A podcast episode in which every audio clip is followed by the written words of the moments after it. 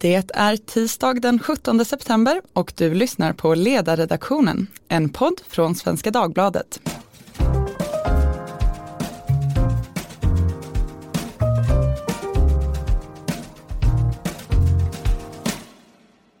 Jag heter Katarina Karkainen och idag ska vi prata om utvecklingstid, Miljöpartiets förslag som nu ska bli verklighet. För nu står det klart att regeringen avsätter 200 miljoner kronor nästa år för utvecklingstiden, en ny version av det som tidigare kallades för friåret. Det ska införas i oktober och innebär att ett antal personer får ta ledighet från sitt arbete för att till exempel utbilda sig, samtidigt som en eh, arbetslös får komma in och vikariera. Utredningen som ligger till grund för förslaget räknade med en kostnad på upp till 10 miljarder, men nu har man enats om en betydligt blygsammare modell som kommer att kosta drygt 200 miljoner nästa år och inledningsvis omfatta några hundra personer. När reformen är fullt utbyggd 2022 så kommer den att kosta knappt en miljard och omfatta upp till 5 000 personer. Vad är skillnaden från det tidigare friåret? Kommer reformen att uppfylla sitt syfte? Och vad är syftet?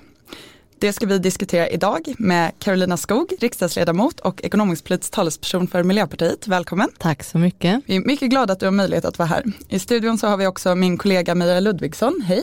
Hej hej! Och med oss på länk är Linus Liljeberg från Institutet för arbetsmarknad och utbildningspolitisk utvärdering. Hej! Hej hej! Carolina, du får börja med att berätta. Vad innebär den här reformen och vad hoppas ni på att åstadkomma med den? Ja det viktigaste alltid tycker jag när man pratar reformer det är ju att definiera vilket problem är det vi ska åtgärda med den här förändringen. Och det handlar ju om det som brukar sammanfattas som matchningsproblem.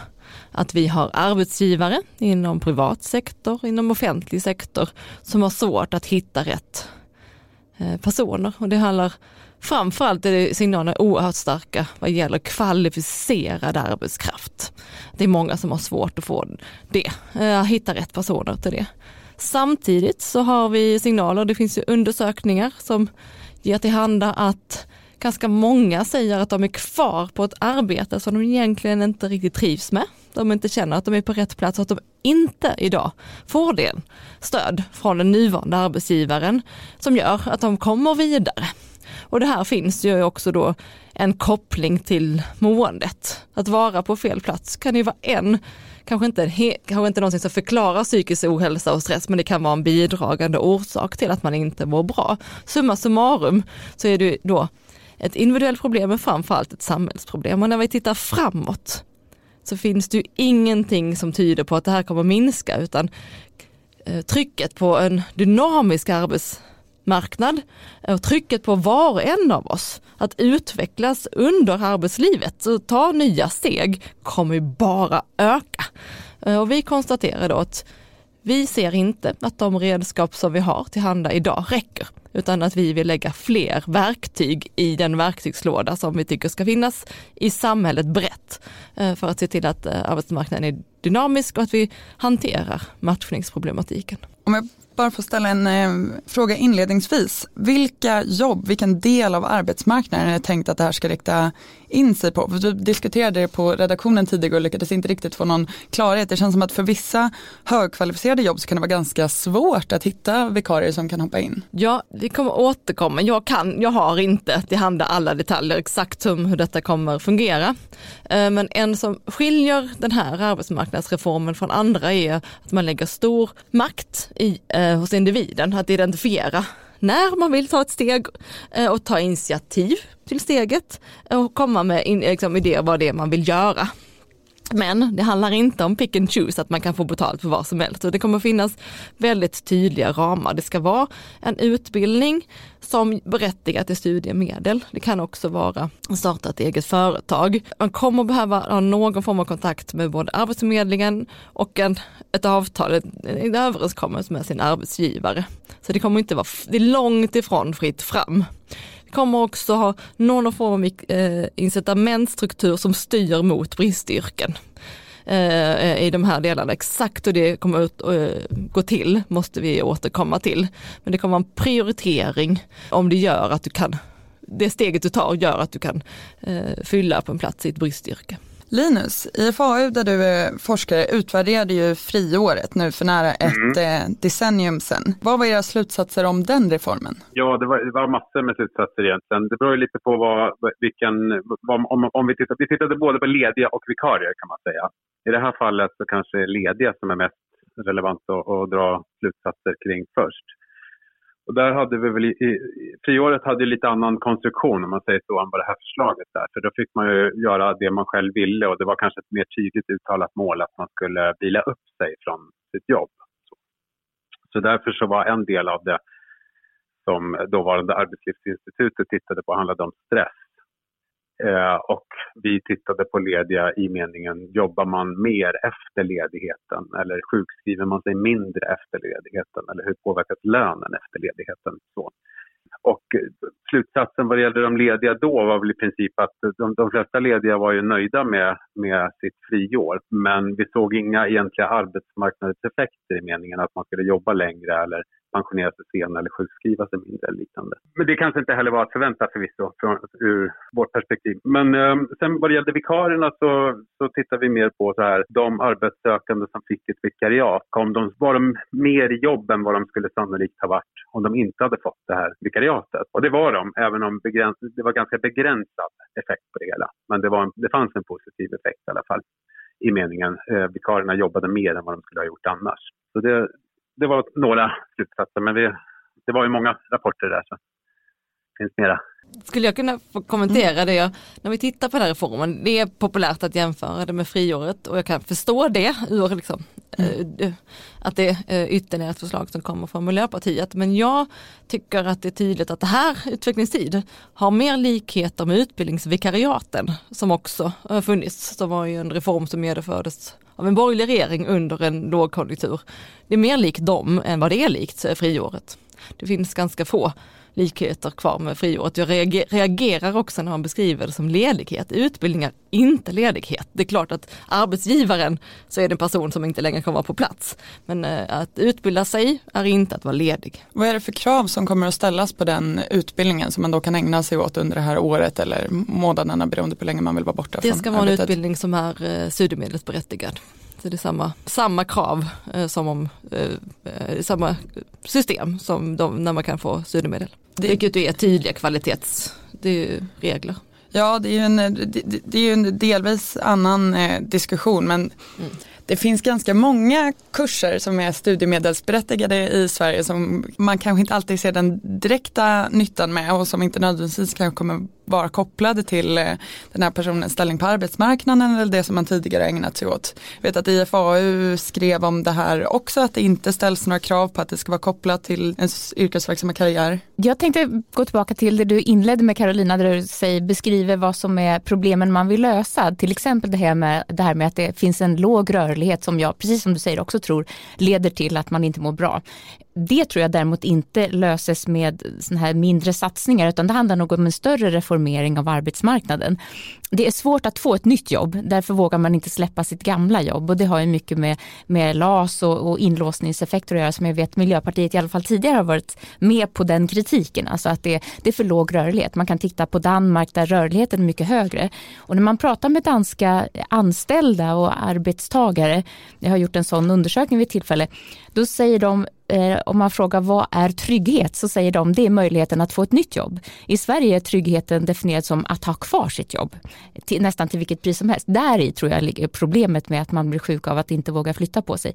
Det kommer inte avhjälpas för den största delen eller för de flesta genom den här eh, den här lilla reformen här som, som är lite, det, det, det, andas lite mer av Miljöpartiet vill ha ett genomslag i budgeten än att det faktiskt kommer förändra strukturer. Vi tror inte att detta kommer att liksom reformera arbetsmarknaden på ett grundläggande sätt i Sverige. Det, vi har aldrig beskrivit eller haft den typen av förväntningar på den här reformen. Det var väldigt tydligt med att det här är ett verktyg eh, som vi vill lägga i en verktygslåda som man ska titta brett på. Eh, vi, vi, tror inte att det finns en magisk lösning som skapar en Eh, helt fungerande och dynamisk arbetsmarknad. Eh, vi ser att vi behöver göra flera saker, vi behöver göra riktade åtgärder mot de som står allra längst bort från arbetsmarknaden. Men vi behöver också komma till skott. Vi har ju pratat väldigt länge om att stötta eh, och uppmuntra människor att ta steg vidare mitt i arbetslivet. Och det siktar den här reformen till. Sen är det så att från Miljöpartiets sida, vi tittar har studerat eh, flexicurity-modeller i både Danmark och andra länder väldigt, väldigt mycket. Vi tycker det finns saker där att hämta till Sverige också. Jag ser inga som helst konflikter att göra det också utöver den här eh, reformen. Inte på något sätt. Jag, jag ser gärna att Miljöpartiet gör både och. Men jag tror att man blir besviken om man tror att den här lilla reformen ska åstadkomma det som flexicurity skulle. Mm. Nämligen att göra att människor blir mindre sjuka. Den här eh, utredningen från IFAU där man utvärderade friåret om nu jämförelsen tillåts eh, visar ju faktiskt eh, ännu tydligare att det ledde inte alls till mindre sjukfrånvaro. Det ledde heller inte till att man arbetade längre utan de som hade varit inne i detta de pensionerade sig tidigare än de skulle ha gjort annat än vad, eller än vad jämförbara grupper gjorde. Så att det är nästan så att det fick rakt motsatt effekt. Och ytterligare en invändning skulle vara just det här, hur får man till det? Alltså det, det är lite grann den här politiska synen ovanifrån att vi ska fixa så att folk gör det vi vill att de ska göra. Eh, det finns de som arbetar för mycket och så finns det de som söker jobb och så finns det bristyrken. Vi behöver till exempel barnmorskor, vi behöver sjuksköterskor, lärare. Där är bristen. Hur vet ni att det här kommer leda till att just de, att man på så kort tid kan de som idag är arbetslösa, att de på så kort tid kan utbilda sig till just de här yrkena och att det är just de yrkena som man utbildar sig till under de här friåren då. Ja, nu efterfrågar du två saker. Du vill både att vi inte ska titta uppifrån men du vill att det ska, svara på, eh, att det ska vara just specifika yrken. Det här är en ovanlig arbetsmarknadsåtgärd just eftersom vi inte bara tittar uppifrån utan också ger stor makt till individen att bestämma när eh, och ta initiativ till ett steg mitt i livet. Och där, och där utmärker sig denna reformen om man jämför med andra arbetsmarknadsreformer. Eh, och då kan man inte också samtidigt säga men då ska det ge perfekt matchning mot bristyrken. För då har vi inte gett individen någon form av frihet eller makt. Det vi kommer att göra är att göra en prioritering eller bygga in en incitamentstruktur för de som tar, eh, lägger fram förslag eller hittar en åtgärd som kommer att leda till att de kan säga att det här kommer uppfylla just ett bristyrke. Exakt hur den incitamentstrukturen kommer att se ut kommer vi återkomma till. Men det är, det är väldigt typiskt av balans eh, att hitta både lita på individen men också se det när vi använder skattemedel ändå ha lite ramar eh, och incitamentstruktur. Och den här reformen försöker, eh, och jag tycker jag hittar ganska bra en balans me mellan de två eh, delarna. Eh, men då måste man ju erkänna att man fullt ut inte till exempel når. Eh, liksom. Vågar man lita på individen så måste man också göra det, då kan man inte också samtidigt ha väldigt strikta regler. Men syftet är, som jag förstår det, är det riktigt att man ska få fler människor att utbilda sig till bristyrken? Syftet är att stärka dynamiken på arbetsmarknaden så fler hamnar på rätt plats. Ja, till och det bristyrken är ju då, till exempel. Och då ur samhällsperspektiv är ju rätt plats bristyrke, men för individen person eh, behöver det inte vara exakt samma svar. Så vad är rätt plats? Eh, och där, eh, här är en reform som ger makt åt individen att identifiera att jag vill röra på mig och ta det initiativet och föreslå för sin arbetsgivare för att komma vidare så vill jag göra den här utbildningen eller ta det här det, steget. Så man, det, lägger, det lägger mycket makt åt individen att identifiera vad som är rätt åtgärd och rätt plats för den. Eh, och det är det som är en dynamisk arbetsmarknad.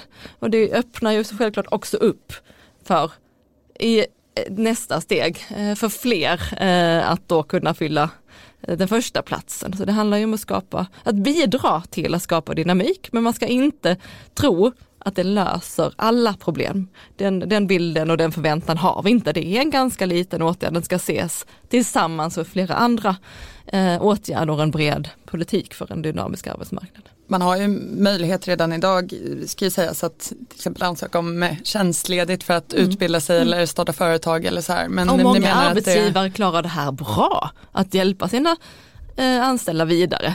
Men vi har signaler att det är många som upplever att de inte får det eh, stödet från sin arbetsgivare och då vill vi lägga en ytterligare verktyg eh, för att möta det ökade behovet av eh, att människor rör sig mitt under arbetslivet. Det nämndes ju här likheter och skillnader mellan friår. Kan man jämföra det här eller inte? Och jag tror att en, en, det, det, det är ju korrekt att det inte går att säga egentligen vad kommer ske med de som har fått den här utvecklingsledigheten. Därför att jag tror att det kommer bli, lägger man eh, de här kraven som, som är i förslaget, att det ska vara mer reguljär utbildning så kommer man såklart få en annan grupp av personer som är med och där syftet, eh, eller där effekterna är oklara så att säga.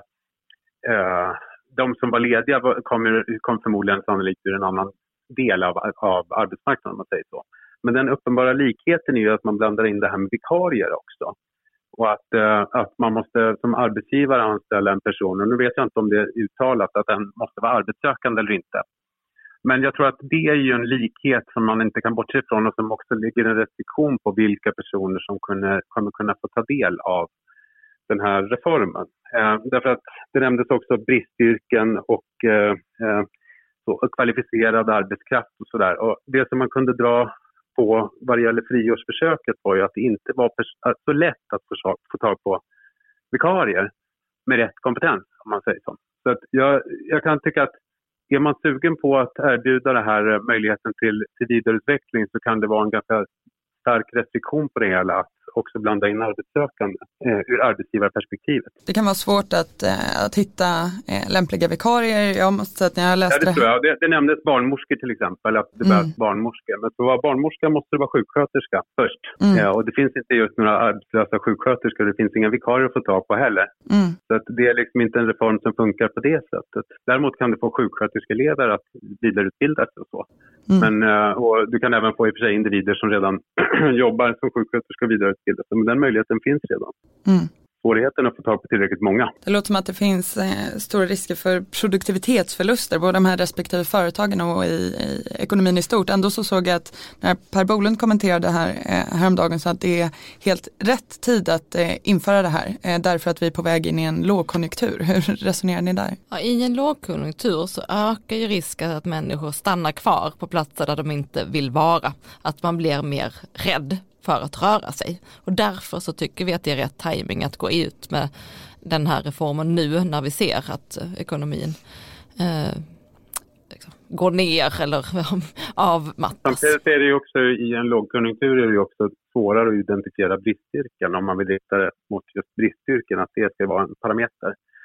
Så det ökar ju också i den meningen risken att man utbildar sig till någonting som inte nödvändigtvis efterfrågas. En av de sakerna som jag tyckte var anmärkningsvärt ändå med, med eh, friåret eh, var ju att personer som eh, gick på ledighet då tappade i löneökning gentemot sina arbetskamrater och nu det här är annorlunda om man ska utbilda sig och förhoppning, förhoppningen är väl att det ska ske någon slags kompetensutveckling under det här året också. Jag såg Linus att du uttalade dig om det här och sa att i princip så kan en ingenjör gå en drejkurs eller spela gitarr.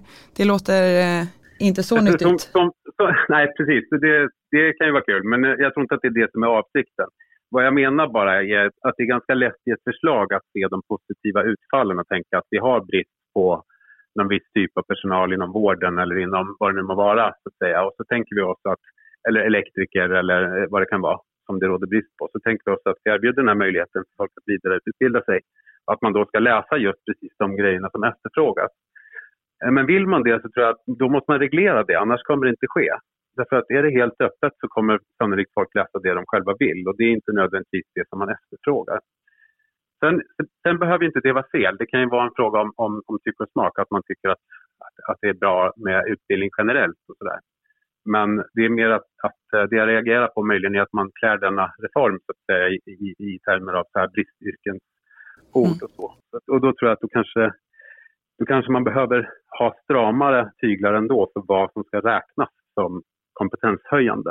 Eh, det är å ena sidan. Å andra sidan finns det också den typen av möjlighet att läsa vidare finns ju redan. Så det finns ju också en potentiell orättvisa i att vissa individer har möjlighet att få betydligt högre ersättning under sina studier under ett år än vad, än vad personer som inte har möjlighet att ta den här utvecklingsledigheten har det är också en parameter att tänka in trots allt. Man kan ju tänka att det finns andra fördelar än det som vi har gått igenom. Jag lyssnade på eh, Ekots eh, politiska kommentator Fredrik Furtenbach i P1 Morgon om det här som gjorde följande analys. Det har alltid funnits idéer inom Miljöpartiet om att vi ska jobba mindre och att livets mening inte bara är arbete. Det här hänger ihop med en tillväxtkritik och tankar om att vi ska ha kortare arbetstid. Ligger det någonting i det? Miljöpartiet kanske ser fördelar med den här reformen som vi andra inte ser? Det som den här reformen bär med sig som är ett oerhört tydligt liksom, MP-märke, det är att vi tror att individer och människor är kloka och har stor förmåga eh, att fatta, att avgöra eh, vilka beslut som eh, man själv behöver. Eh, och att vi inte eh, tror att eh, arbetsmarknaden till exempel bara ska styras utifrån ett uppifrån perspektiv och försöka hitta perfekta lösningar eh, utifrån statistik och prognoser utan vi måste se att det handlar om människor eh, och att vi det vill åstadkomma en dynamisk arbetsmarknad. Och det, det märket finns tydligt i den här reformen om man jämför det med andra arbetsmarknadsreformer. Att det är mer ett individperspektiv, mer underifrån perspektiv eh, än andra och därför tycker vi att det kompletterar andra reformer väldigt, väldigt väl. Det låter ju eh, positivt för oss som är mer, mer liberalt lagda. Det är väl först när just de här skattepengarna kommer in i bilden som det kanske börjar skava lite grann. Det har snart blivit eh, dags att eh, avrunda, eh, men först är jag nyfiken. Utvecklingstiden införs ju i oktober i år. Maria Ludvigsson, kommer du gå till Tove Livendal och be om att få ta del av detta? Du ska se du, jag tänkte just säga att jag tror inte heller att meningen med livet är att arbeta, även om man har lyxen eller ynnesten att vara ledarskribent i Svenska Dagbladet. Eh, men eh, nej, jag kommer inte be om det. Eh, däremot skulle jag önska att det fanns, att skatt skatten på arbete var så pass mycket lägre att fler människor kunde eh, ta utvecklingstid då och då under sin yrkesverksamhet. Det här var ju någonting som jag diskuterade faktiskt med eh, Birger Schlaug vid tillfället när han var här på 11 kaffet. Jag gillar hans kritik mot eh, konsumtionssamhället och sådär. Sen tycker jag hans slutsatser av det, var, där landar vi inte samma. Men det jag kunde konstatera var att när, när Miljöpartiet säger att vi ska arbeta mindre eh, därför att det är rätt så gör man sig skyldig till samma felslut som jag tycker Anders Borg gjorde när han eh, sänkte skatten och kunde konstatera att det finns, fanns människor som gick ner i arbetstid. Alltså de fick samma pengar i lönekuvertet tack vare eh, sänkt jobbskatteavdrag, eller jobbskatteavdraget, men kunde ändå arbeta mindre och ha samma pengar. Detta problematiserades från Moderaternas, nya Moderaternas sida. Man sa att man ska arbeta, syftet med det här var att ni skulle leva på ett annat sätt. Från Miljöpartiet kommer det samma sak nu tycker jag, att man har en idé om hur människor borde välja. Alltså man bör vara, man bör i alla fall Schlaug var inne på det, att man bör arbeta mindre för det är rätt rätt, det befriar. Och då, tycker jag, då gör man fa- samma felslut. Så, så för mig som liberal då är ju Birger lösningen... är ju inte längre miljöpartist vill jag gärna, han har gått till ett annat parti eh, och vi är inte överens så mycket längre. Nej men vi diskuterade friåret och jag vet ju att i Miljöpartiet finns den här synen att, eh, att man ska kunna arbeta mindre och så vidare.